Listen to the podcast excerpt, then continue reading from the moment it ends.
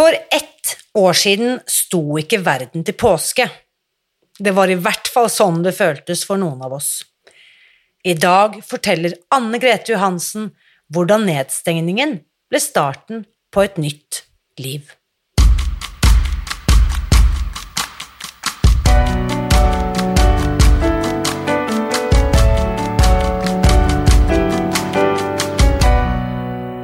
Mitt navn er Irina Li. Jeg er journalist og forlegger, gründer og sosialentreprenør. I 2015 spiste jeg meg fri fra overvekt og fedme etter å ha slitt med vekt, kropp og følelser i nesten 30 år. Etter at jeg fant oppskriften på å spise meg fri, ga jeg meg selv et nytt oppdrag å dele denne kunnskapen med alle som trenger det. I første sesong av denne podkasten deler jeg hele lydboken eh, Spis deg fri. Den finner du ved å bla deg tilbake til høsten 2019. Og hver uke inviterer jeg nå gjester som gir deg påfyll til hodet, hjertet og magen. For min visjon er å endre Helse-Norge, og det får jeg ikke til alene. Du kan bidra ved å abonnere på podkasten, skrive en omtale i iTunes og dele denne episoden med noen du bryr deg om. Da setter vi i gang med ukens episode. Det ble så ryddig inni meg, sier Anne Grete i dagens eh, episode. Det synes jeg egentlig oppsummerer hva det innebærer å spise seg fri. I hvert fall for meg, for jeg, jeg rydder opp, på en måte, på innsiden ett måltid og én dag om gangen. Og før du skal få møte Anne Grete, så må jeg bare få lov til å lese opp en eh, tilbakemelding fra en lytter som la inn en omtale av denne podkasten på iTunes etter å ha hørt min samtale med fastlege Sarah Seidelin i episode nummer 79, og samtalen med lege Heike Dahl Simensen som jeg hadde et par uker senere, det vil si i eh, episode 81. Og i den omtalen så står det følgende Måneferden. Det er så gøy å følge Spis deg fri og høre den stegvise utviklingen på et i utgangspunktet umulig prosjekt å endre Helse-Norge til en kjedereaksjon av handlinger. Sarahs modige første steg og påfølgende antall leger som også vil være med, er gøy. Nå har vi alle symposiet og dets betydning å se frem til. Det blir sikkert en enorm faglig boost for de som får være med. Det vil også bli en fantastisk arena for å spre budskapet om at det er mulig å spise seg fri. Heia Sarah, heia Irina, heia Heike og alle andre som blir med fra nå og til selve månelandingen. Dere er pionerer. Det skriver altså denne lytteren som kaller seg Waibmu. Og jeg må jo bare si, kjære Waibmu, tusen, tusen takk. Tusen takk til deg. Og jeg kan også legge til at uh, dette symposiet som her refereres til, dette er det, denne fagkonferansen som jeg nå planlegger uh, eh, 1.9.2021 sammen med disse fantastiske legene. Og etter at jeg snakket med Sarah i episode 79 og Heike i episode 81, så har jeg hatt masse spennende samtaler med både leger og helsepersonell og forskere. Eh, og senest denne uken så var det en eh, ny lege som meldte seg eh, på og meldte sin interesse for å være med og få vite mer om dette symposiet. Og det gjorde vedkommende ved å gå inn på dette skjemaet som vi har laget da, for eh, alle landets eh, leger og alle som jobber med overvekt og fedme. Det finner du på www.spisdegfri.no fastlege. Så eh, tips gjerne fastlegen din også om dette skjemaet, hvis du tenker at han eller hun bør melde sin interesse her. Da er vi klare til å ta imot ukens gjest. Kjære Anne Grete, velkommen til podkasten. Tusen takk. Dette er veldig gøy, for vi har jo både sett og snakket med hverandre før, men ikke sånn som på denne måten, liksom. Nei, det stemmer. Um, jeg la jo ut en etterlysning i denne medlemsgruppen vår her for bare et par dager siden og spurte er det noen av dere som er inne i Friere, som uh, startet uh, Spis deg fri-reisen midt under koronaen, nesten litt sånn delvis utløst av koronaen for et år siden. Og da var du blant dem som rakk opp hånden, Anne Grete. Fortell litt om den reisen og det året vi nå har bak oss? Ja, det har jo vært et eh, nokså heftig år, da. Ikke minst eh, fordi at jeg jobber så mye og leder en eh, stor eh, reiselivsvirksomhet i Tromsø. Det er faktisk den største i Nord-Norge. En stor attraksjon hvor vi vanligvis har en sånn 140 000-145 000 gjester i året. Og da vi begynte å lukte liksom at noen ting var på gang, så skjønte vi jo at reiselivet kom til å bli ekstremt berørt. Og Tromsø er jo eh, antagelig den eneste destinasjonen i Norge som er helårs reiselivsdestinasjon. Vi har ekstremt mye gjester om vinteren, eh, faktisk mer i februar enn i august. Eh, og for vår del da, så hadde vi jo 70-80% internasjonale gjester fra hele verden. Um, så den 10.11. hadde kommet hjem fra en reise med Hurtigruta i Irland og rundt omkring, så skjønte jeg at nå, nå skjer det noen ting, nå må vi være veldig eh, med her, for det ville få dramatiske konsekvenser. Vi har ingen offentlig støtte, så vi lever av billettinntekter og det vi omsetter i bedriften. Da. Og, um, ja, eh, og da, da skjønte vi, for å ta det kort, når Erna hadde talt 12.3, at rullegardina var bare å trekke ned. Eh, og i løpet av to timer så var 47 medarbeidere permittert. Bedriften var stengt. Det har ikke vært stengt siden 1998 når det åpna. Eh, vi er veldig knytta opp mot eh, Polarinstituttet og de andre forskningsinstitusjonene i Framsenteret. For vårt oppdrag er å formidle forskning på klima og miljø i Arktis og Antarktis eh, på vegne av de 21 nasjonale forskningsinstitusjonene. Vi kan, vi, du kan få drive litt eh, reklame her for arbeidsplassen din. Hva, hva, hvilket, eh, hvilken institusjon snakker du om? Det heter, heter Polaria. Og, den, og det, det, kan jeg selvfølgelig gjøre, men det hjelper så lite, for ingen er her nå. Mm. Men i hvert fall så stengte vi ned og permitterte. og gjorde alle de nødvendige grepene for å berge så mye økonomi som vi kunne raskt. Og så kom jo alle nyhetssendingene. Og da, akkurat da Mannen min bor jo på Svalbard og jobber der som eh, flyger i lufttransporter. Og, og han eh, var hjemme akkurat da, han pendler jo. Og Da seig vi liksom lenger og lenger ned i sofaen, og så foreslo jeg at eh, kanskje vi skulle kjøpe oss litt is eller noe sånt, ettersom alle nyhetene bare pøsa på, for vi skjønte det her ble langvarig og dramatisk. Og I tillegg så eier vi et bryggeri på Svalbard, og det er veldig reiselivsrelatert med visninger osv. Og, så og vi så jo også den rullegardina var helt nedtrekt, stengt, ferdig. Alle permittert. Og så gjorde vi det den ene kvelden, da. Kanskje var det lørdag 13. mars. Fredag 13. mars snakker vi med for det var da tilfeldigvis fødselsdagen min, så den husker jeg veldig godt. den fredag 13. Ja, det var fredag 13. Ok. Og da um, Da gjorde vi det den ene kvelden, og dagen etter så sa jeg ok, det her blir jo dramatisk på alle vis. Vi kommer til å jobbe oss i hjel til det her er over. Vi hadde jo ingen idé om hvor lenge det kom til å vare.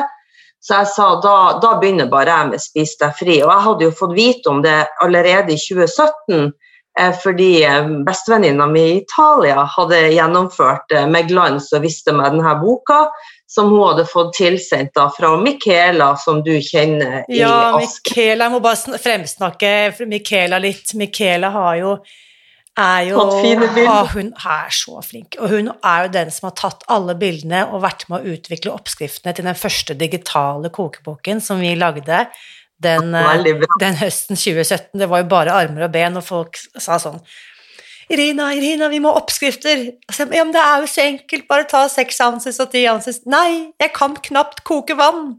Gi meg oppskrifter. Og så hadde jeg sett en dame på Instagram som var flink til å lage mat, og det var Michaela.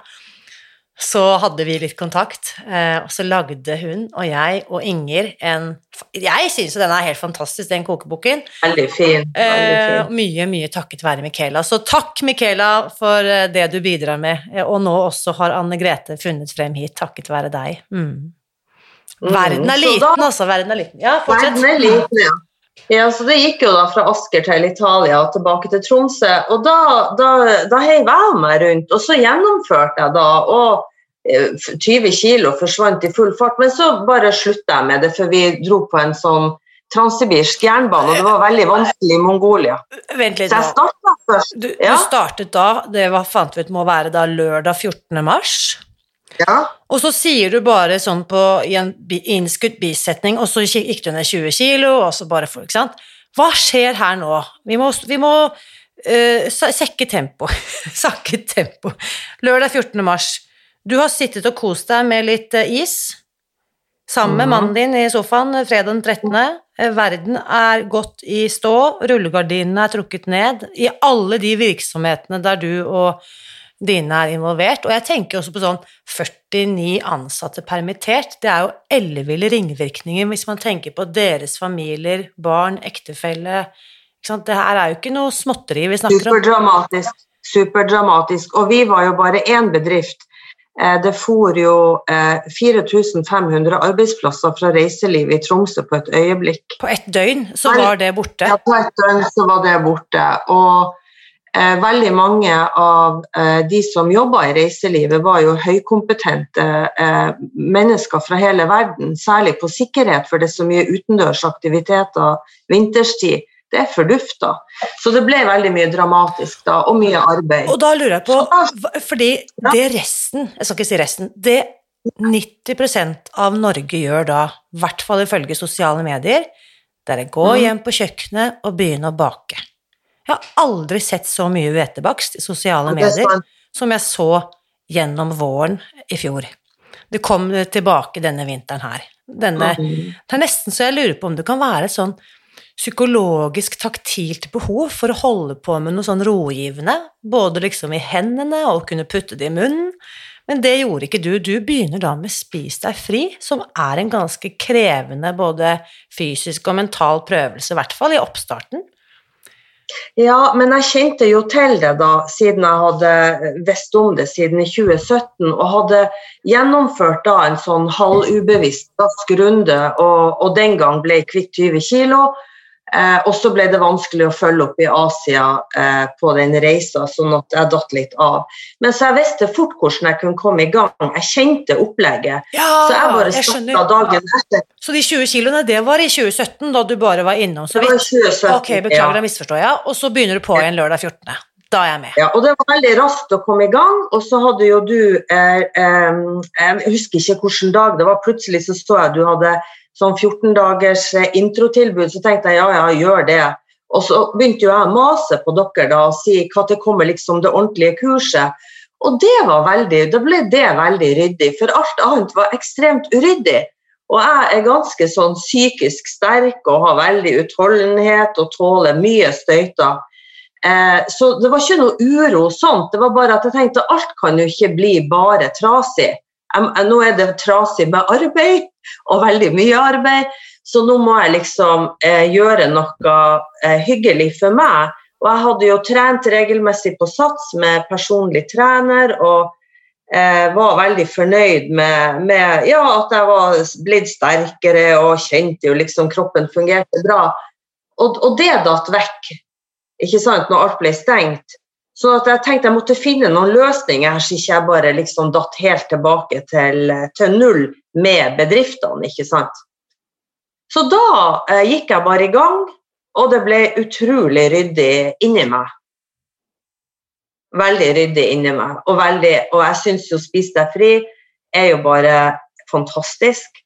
Fordi at, som jeg alle, alle, alle gangene sier, du kan spise det på Snåsa og i Berlevåg. Det er liksom ingen problemer. Du må ikke til et stort kjøpesenter eller det, det er ingenting problem, det er bare enkelt. Veldig, veldig enkelt.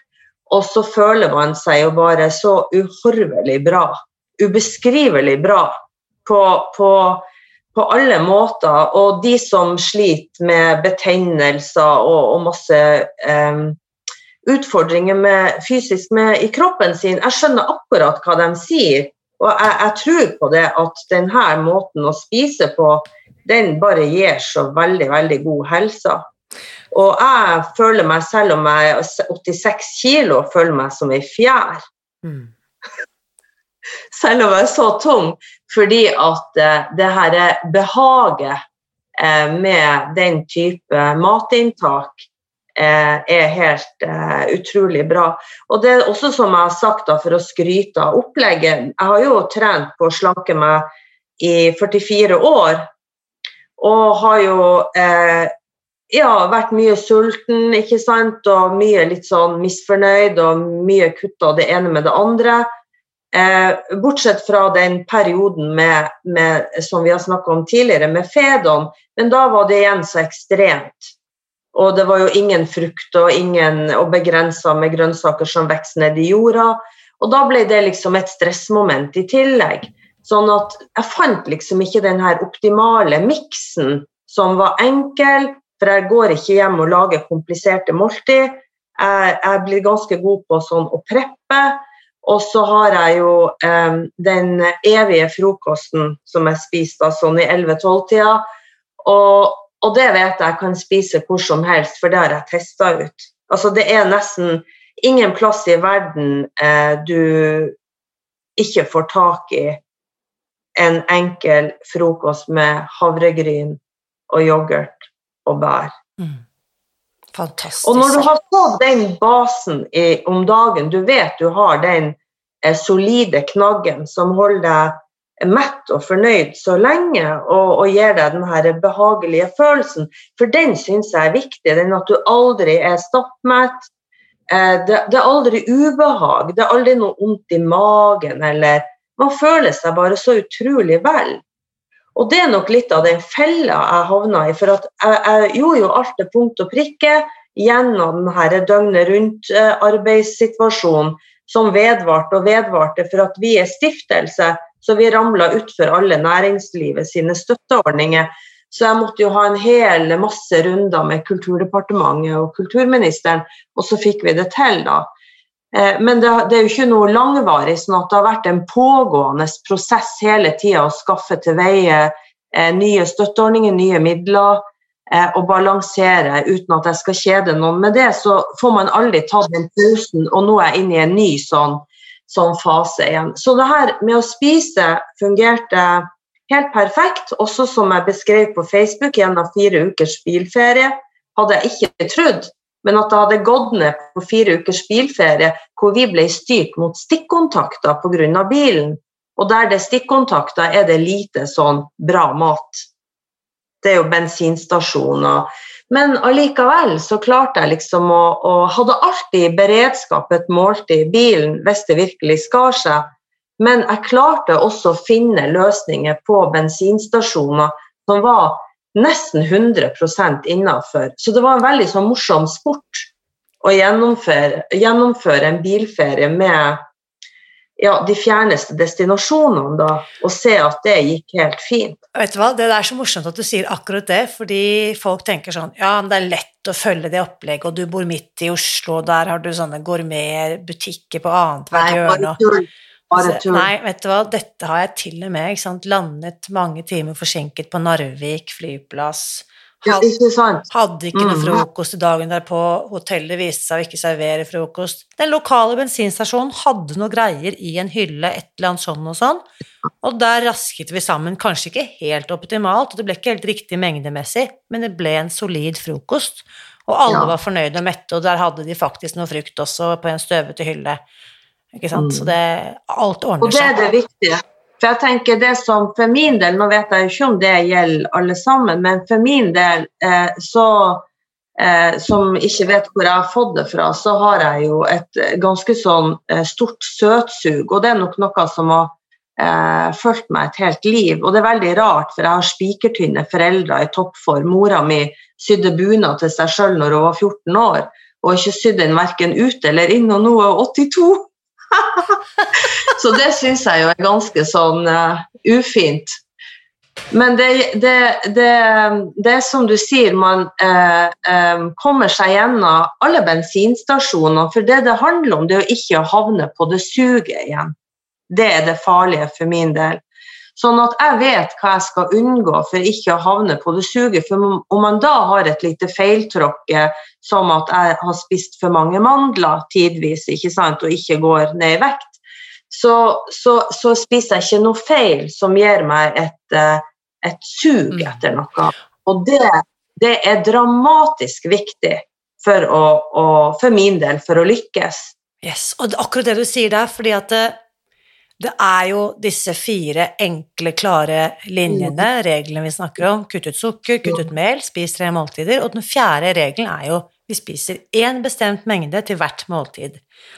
Det mm. den regelen da også inkluderer, er at vi spiser ingen andre mengder mellom måltidene, så vi spiser bare til måltidene. Men sant, sånn som Susan Pearce Thompson ofte også sier, er at disse reglene kommer jo i en rekkefølge av en grunn. Så den regelen, meg selv inkludert, eh, som mange kan være litt frynsete i kanten på, er denne siste regelen om at vi kanskje er litt upresise på mengdene, eller at det måltidet kanskje ikke helt avsluttes når det skulle, eller at det blir litt sånn. Men det er en mindre alvorlig regel å bryte. Jeg sier ikke at det er greit, men det er noe flere av oss er i stand til å takle og hente oss lettere inn fra enn hvis vi går rett opp i påskegodtet. For ja, veldig viktig det, du sier nå. Viktig, disse, det, det, er sånn Ikke kjør i fylla, det er regel én. Og mm. så, ikke sant, ikke kjør for fort, det er regel to. Ikke kjør på rødt lys, det er regel tre. Og hold fartsgrensen, det er regel fire. Så det er bedre at du bryter den fartsgrensen av og til, enn at du kjører rett på at du går rett på fylla. Så hvis man kan liksom sammenligne det litt sånn at for Guds skyld, det enkleste og det ryddigste og det absolutt beste, og det enkleste absolutt, er hvis du bare følger opplegget. Ferdig snakka. Og skulle du, sånn som Anne Grete, også sånn som du sier nå, Anne Grete, oppleve at hei sann, der ble det visst en eh, neve nøtter for mye, så bare legg merke til det, og kom deg tilbake på liksom hovedveien igjen. Eh, og det er veldig mye vanskeligere hvis du skjener helt ut i åkeren med påskegodt og hvetebakst og alt det som hører med. Mm, jeg tror det er også veldig sånn eh, medvirkende årsak til at jeg befinner meg her jeg befinner meg nå. For at jeg gikk jo veldig fint ned da, og så eh, helt frem til september. Jeg gikk ned 14 kilo og var veldig nøye med, med alt. Og så hadde jeg jo eh, et lite håp om at eh, verden skulle bli litt bedre, da, ikke minst fordi at jeg hadde jobba og jobba og jobba, og så ble den jo ikke det. Og nå er det igjen mars.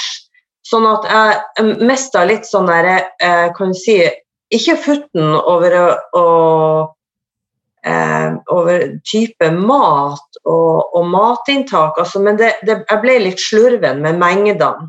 Og det, har gjort, det, det, er jo der jeg har gjort den nye oppdagelsen sånn for første gang i mitt liv. At nå er det gått et helt år, og, og jeg veier fortsatt da 86 kilo og gikk ned liksom 14 da. Og så, eh, så har jeg ikke gått noe mer ned, for jeg vet hva som skal til. Jeg har ikke søtsug. Jeg er ikke utsatt sånn som jeg var tidligere. Jeg kontrollerer meg på en helt annen måte. Jeg føler meg i strøken toppform. Og, og, og, og er selvfølgelig fortsatt eh, overvektig. Men det på den ene sida blir det litt av hvileputa. Yep. Og hvileputa tenker jeg er fordi at jeg føler meg så bra. At, at jeg, jeg, en slags sånn jeg tror at jeg holder meg på en slags vedlikehold. Kan jeg komme det, med spørsmål? spørsmål? Ja, spørsmål, Grete. Hva ønsker du? Hva er målet ditt for å liksom være veldig sånn eh, Hvis det går an å konkretisere, hva, hva, ønsker, hva ønsker, du? Hva, hva er målet ditt? Jo, jeg vil jo langt ned på 70-tallet, for da vet jeg jo Da er jeg liksom det jeg kaller menneske, da. For da passer alle klærne og De sitter veldig pent på. Så nå så passer jeg noe, men det sitter ikke sånn supert på. Så jeg vet jo det, men jeg, jeg, jeg har ikke noe sånn en drømmer om å bli 60 kilo, sånn som jeg var før jeg fikk unger. Hvor høy er du, Anne Grete? 1,70. 1,70, så du og jeg er egentlig ganske jevne. Jeg er 1,71, så vi er egentlig jevnhøye. Og så, nå skal jeg utfordre deg litt, hvis jeg kan jeg få lov? Ja. ja. Du sier langt ned på 70-tallet. Gi meg liksom tallet ditt. Gi meg liksom Jeg eh, om I september, når vi snakker neste gang, så veier jeg prikk, prikk, prikk. ja, la oss si 69, for at da har du den vippen du ikke skal over. ikke sant? Da må du holde deg på 60-tallet. Det er jo litt sånn eh, psykologisk, og det hadde vært utrolig morsomt. da. Da, sier, da legger vi en bestilling på utrolig morsomt. 69. Og hvilken dato er det? Eh...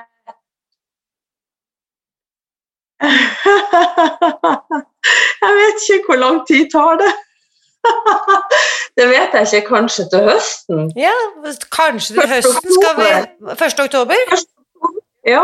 Da sier vi oktoberfest i 2021, og du veier 69 kilo. Eh, hva er det du har på deg da når du kommer ned, og det du sier blir menneske igjen? Dette er dine ord. Hvilket antrekk er det Anne Grete dukker opp i da på den oktoberfesten? Bunaden til mor? Nei, min egen. Din egen bunad? For at den samme mora skal slippe å sy den ut igjen. Stakkars okay. mamma har sydd den ut og inn mange ganger. Så du, er den bunaden du har i skapet nå, er den tilpasset Anne Grete 69 kilo? Eh, eh, nei, altså da, det, da lyver jeg, for den kan jeg nok sikkert få på meg helt fint med 79, sånn at den, eh, den vil nok bli vid da. Men nei, altså jeg, vil, jeg har jo masse fine klær, så jeg vil jo bare tatt på meg eh, masse, ja, masse fine klassiske klær. Og det er som å se eh, Kirsti plukke frem klær fra skapet sitt, og jeg kjenner meg så utrolig igjen. Fordi at noen fine plagg har man tatt vare på, for de er klassiske, ikke sant, og for trang. Så jeg blir veldig inspirert av henne, da. Fordi i motsetning til meg, så har jo du en historikk der du har vært normalvekt en gang. Du vet hvordan det er du å være i en kropp på 60 something kilo. Ja, Fantastisk. Ikke sant? Og jeg, Ja. nå, nå ser jo vi hverandre på Zoom, men jeg tror folk også kan høre at du smiler når du forteller meg dette her. Ikke sant? Og, og poenget mitt er, jeg skjønner hvorfor du er der hvor du er nå. Du er på 86, sier du. Du har gått ned 14 kilo på et år, som i seg selv er en fantastisk prestasjon. Det er jo en helsegevinst. Det er en helsegevinst. Å gå ned syns jeg ikke er så fantastisk. Jeg syns det å holde seg der er Nettopp. den store jobben. Og så er det poenget mitt her at det, det som motiverer de fleste av oss, som gir oss det derre spark i rumpa eller slag i magen eller ørefiken eller kalddusjen, kall det hva du vil, det er jo den umiddelbare smerten vi sitter i når vi liksom tenker at ok, nå orker jeg ikke mer, nå tar jeg tak. Det er veldig lite som er mer motiverende enn akutt smerte. Det skal vi aldri undervurdere, kraften i å ha det vondt. Så hvis noen som hører på, har det skikkelig forferdelig ræva nå, bra! Fordi da har du et fantastisk utgangspunkt for å gjøre noe med det. Og det du beskriver, Anne Grete, du har det egentlig ikke så verst. Nei. Ikke sant? jeg Der har hvor du er det. nå. Så det jeg prøver å liksom få deg med på, da, ikke sant, og jeg håper at ingen opplever at dette er et utidig press jeg utsetter deg for nå, Nei. den smerten du har lagt bak deg, den er ikke så veldig reell lenger. Den hører fjoråret til, det er 14 kilo siden, du kan nesten ikke relatere til den lenger. Så nå må jeg prøve å lage en magnet der fremme i fremtiden, som du i stedet kan la deg trekke mot. Er du med på Ja, det er, forskjellen? det, ja, og er veldig motivert av det. Eh, Jeg vet jo at jeg har fått en, en fin helsegevinst med de kiloene jeg har tapt, men jeg har en far som har diabetes eh, 2, ikke sant. Eh, Selv om jeg har målt litt hjemme hos dem og har veldig lavt blodsukker, så vet jeg jo at det ligger en, en potensiell fare der som gjør at jeg må komme meg innenfor BMI-en. Jeg tror den er 30 nå.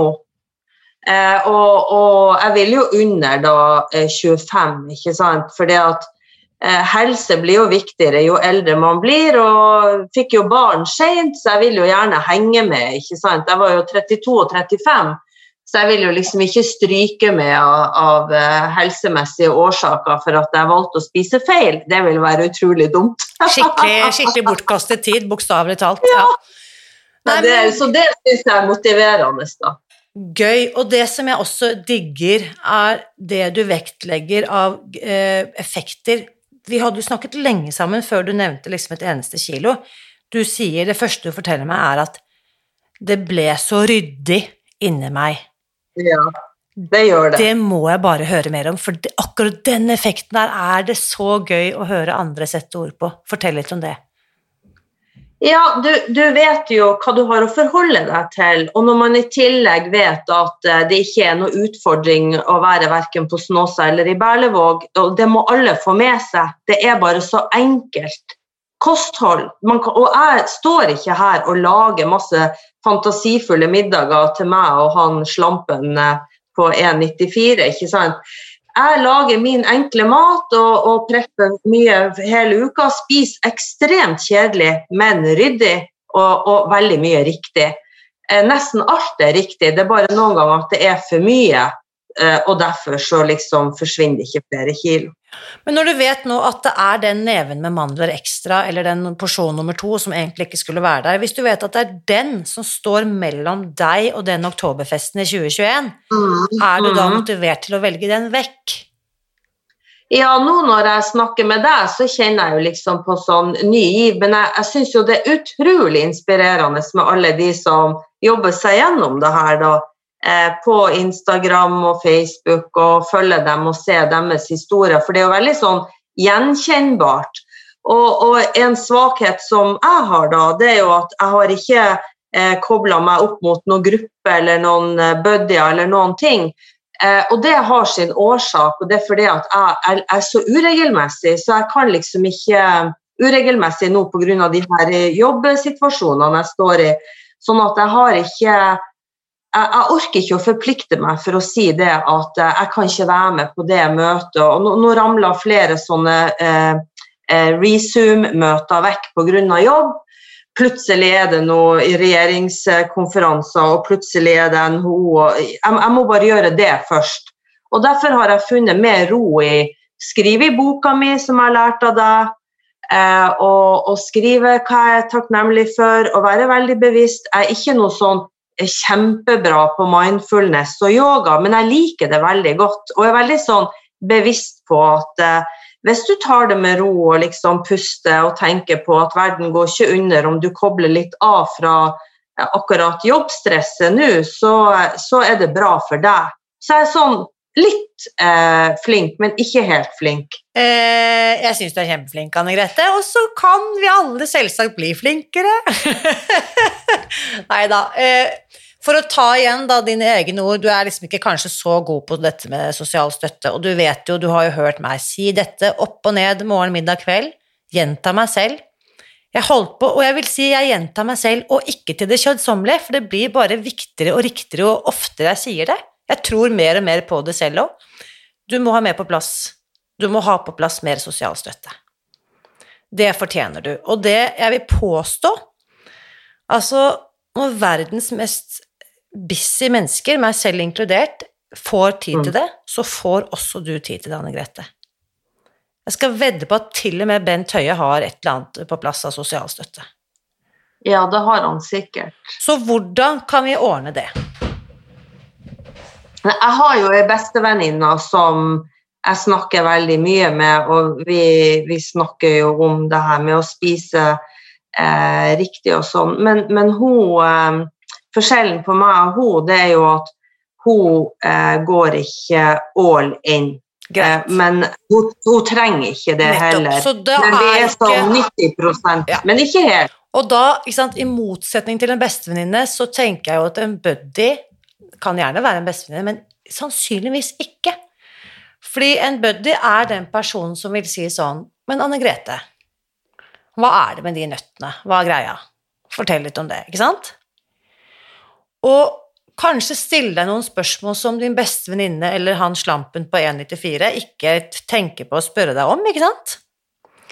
Altså, man snakker jo som de man omgir seg mest. Nå tar jeg dine ord inn i min munn. Han må ha meg tilgitt. Um, så jeg lurer på, hvis jeg sier til deg Jeg skal ikke si nå at hver tirsdag klokken åtte må du være med i Mastermind. Det skjønner jeg, det, det, går det ikke. Det skal ikke jeg finne på å si. Men jeg tror du vil kunne ha nytte av å få på plass en buddy? Ja, det har jeg sikkert. Jeg har bare liksom tenkt jeg orker ikke et sånn um, En forpliktelse til. For, for, fordi at jeg står i så mange forpliktelser. Jeg har enda en tredje bedrift jeg liksom prøver å redde, eh, som er dattera min sin, eh, som jeg hjelper henne med. da. Også, og, og det, det, det, det, koker hver dag på alle fronter. Eh, og jeg har nesten bare jobba i, i det her året, da. Og da tenker jeg liksom at jeg må ha noen sånne eh, fristeder eh, når jeg kan. Yes. Når det liksom passer meg.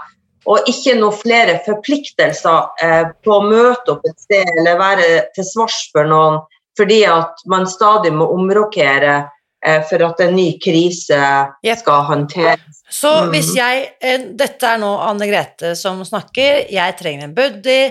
Kan ikke forplikte meg til noe fast tidspunkt. Trenger en som kan på kort varsel, eller bare ta imot en tekstmelding i ny og ne. Vi kan kommunisere på I don't know, fill in the blanks, ikke sant. Jeg vil gjerne helst slippe på telefon, eller jeg vil gjerne bare snakke på telefon. Jeg vil snakke med deg på telefonen i 20 minutter når jeg går rundt uh, i skogen. Der jeg bor. Altså, skjønner? Legge inn en liksom klar ønskebestilling, og så vet jeg, Anne Grete, at det er en eller annen der som vil ha akkurat det samme, og som ikke ønsker å forplikte seg, men bare kunne ha en og vite at der er det en ute som jeg kan Som tenker på meg, og som jeg tenker på. Så når jeg sier sånn Nei, skal jeg ta de nøttene? Nei, men jeg har sagt til Anne Grete at jeg ikke skal gjøre det. Da lar jeg være.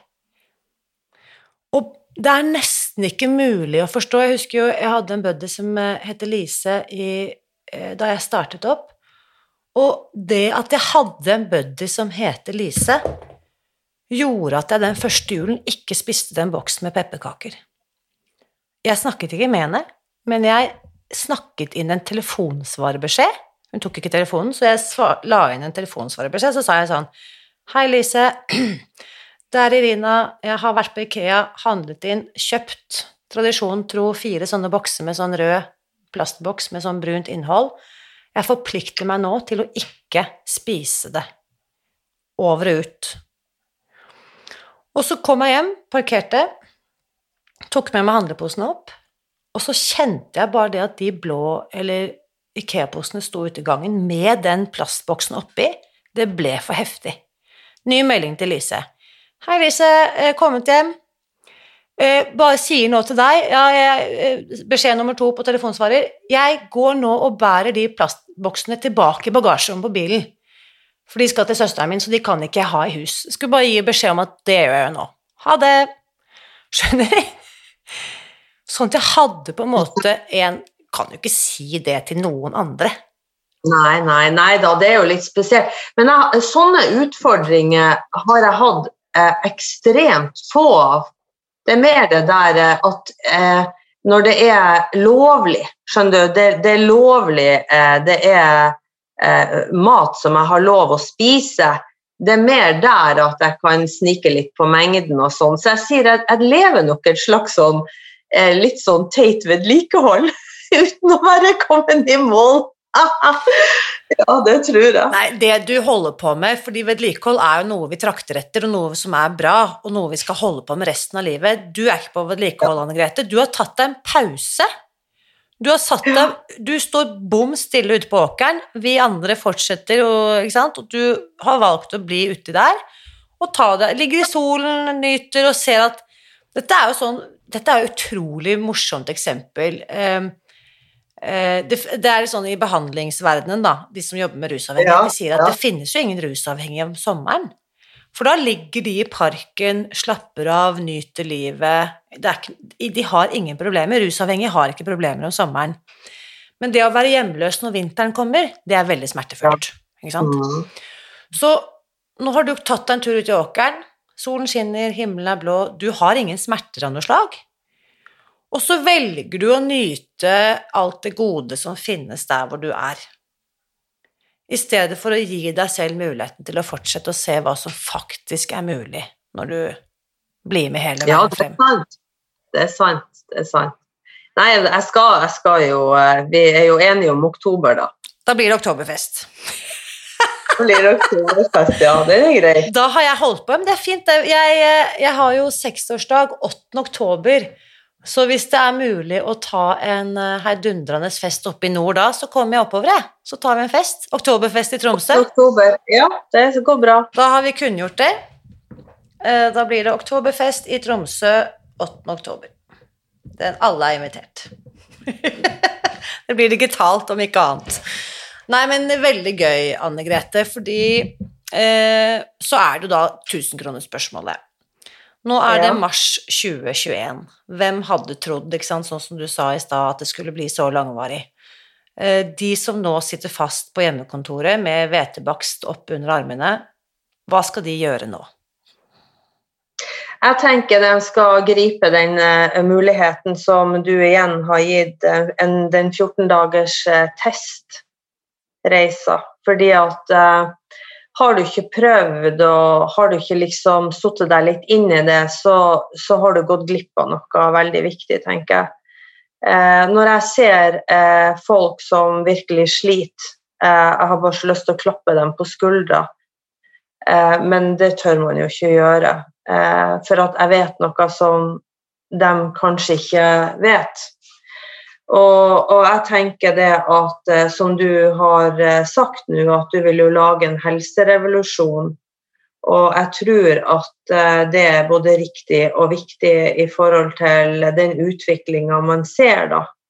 Eh, hvor stadig flere blir eh, overvektige. Og jeg forstår jo folk i koronaen også at eh, man siger ned i håpløshet i, i sofaen sin. og og gjerne vil eh, hygge seg, treningssenteret er stengt. og Det er liksom så mange konsekvenser, og alle evner jo ikke bare å hive seg rundt og liksom stake ut en ny kurs.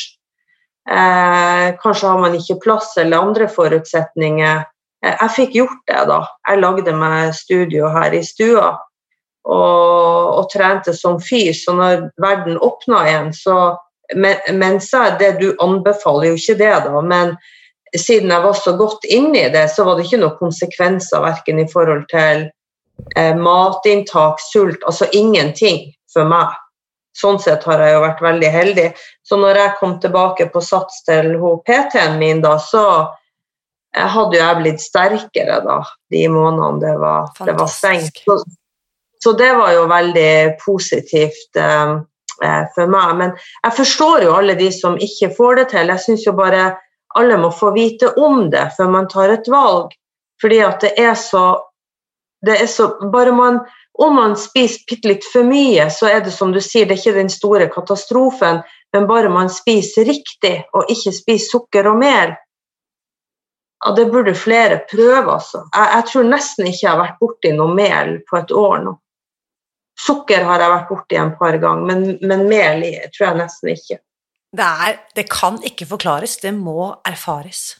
Det, det må erfares. Og som med min far, da, som har eh, diabetes 2, så er jo eh, foreldrene mine som er mye lamme da, eh, de eh, er jo ekstremt flinke eh, i det de eh, lager og spiser og sånn.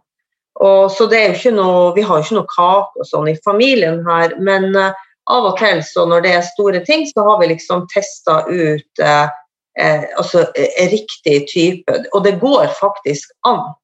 Eh, det går sikkert an å lage det helt til riktig mengde eh, hvis man setter seg litt dypere inn i det.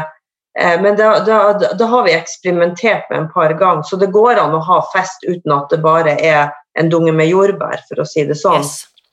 Det, men, men, det krever litt innsikt. da. Ja. Sånn at det er ikke sånn at, at, eh, at du aldri mer For også er det én dag av gangen. Og det er så fint med én dag av gangen, for det er jo bare i dag. Mm. I morgen står jeg jo fritt til å gjøre det på en annen måte. Fantastisk. Det Nei, jeg syns det er veldig bra. Så, så denne måten å spise på, eh, den vil jeg jo aldri gå bort fra. For denne godfølelsen, selv om jeg aldri har vært syk eller noen ting, så føler man bare seg mye mer vel. Og, og det er jo den det er jo, Jeg er litt i den eh, avkroken nå, tror jeg, den, det lille fjordholdet jeg har havna inni, det, det tror jeg beror litt på at jeg føler meg så bra. Men nå har vi en avtale, da. Ja, hva, da, og det var det, det er der jeg ville Ja, 8. oktober har vi notert her. Oktoberfest i Tromsø. Hvor Hva er din takeaway for din egen del, Anne Grete? Jeg, jeg, jeg kan jo nesten bare høre lydbølgene inspirere alle som lytter til dette senere, men for din egen del, Anne Grete, hva, din, hva tar du med deg fra denne samtalen i dag? Eh, det du sier, at eh, de tingene som jeg er litt sånn unøyaktig med, de, de må jeg være nøyaktig med, for det er en mye større gevinst der fremme eh, for meg når du hører måten jeg opplever de her lettelsene. Og det er jo utrolig positivt, særlig når man vet at eh, verden for øvrig er så ustabil i lang tid fremover. Vi hadde jo en litt naiv drøm både her i Tromsø og på Svalbard om at nå skulle ting begynne å skje, og så er det bare verre enn noensinne. For nå er liksom all sparekapital og alt vi hadde, brukt opp, og ordningen og finansieringen fra staten er liksom ikke på plass. Og jeg kom nettopp fra et sånt Teams-møte med NHO. Eh, Så, så det, det, det tærer jo veldig hardt på både liksom pågangsmot og alt. Og da er det jo fint eh, å kunne ha noe man styrer over fullstendig sjøl, når ikke jeg kan ringe til Erna og si at nå må dere ta dere sammen, før eh, veldig mange bedrifter i privat næringsliv ramler over ende. Mm. Så, så det er jo bra. Fantastisk. Og jeg elsker det at eh, den, sånn som du også sier nå, ikke sant? alt det som skjer der ute, det kan vi faktisk ikke kontrollere. Men hva som skjer her på innsiden hos meg, det kan jeg velge å ta full kontroll på. Ja, det er veldig fint, det. Ja, fantastisk. Anne Grete, jeg gleder meg til fest i oktober. Tusen, tusen 8. oktober, det er en avtale. Takk for praten. takk for i Ha dag. det bra. Ha det bra. Hvis du ble inspirert av å høre min samtale med Anne Grete i dag, så har jeg en veldig god nyhet til deg. I dag, nemlig, når denne episoden blir publisert, så åpner jeg nemlig påmeldingen til neste grunnkurs, som starter om eh, en uke. Så hvis du er klar til å bruke denne dagen, eller denne uken, eller denne våren, eller rett og slett denne unntakstilstanden vi fortsatt står i, til å gi deg selv et lettere liv, så vil jeg oppmuntre deg til å gjøre noe med det. Du finner mer informasjon om grunnkurset på våre nettsider www.spisdegfri.no grunnkurs. Kurset starter altså mandag 12. april, så hvis du hører, eh, hører denne episoden etter mandag 12. april, er det dessverre for sent. Eh, Men hvis du hører dette nå, før 12. april, så er dette kanskje sjansen du har ventet på. Eller kanskje gikk det rett og slett et lite lys opp for deg mens du hørte Anne Grete fortelle i dag, så bli med. Du finner altså dette påmeldingsskjemaet på www.spisdegfri.no grunnkurs. For din tid er nå. Og uansett hva du velger å gjøre i dag, så vit at jeg heier på deg. Alltid.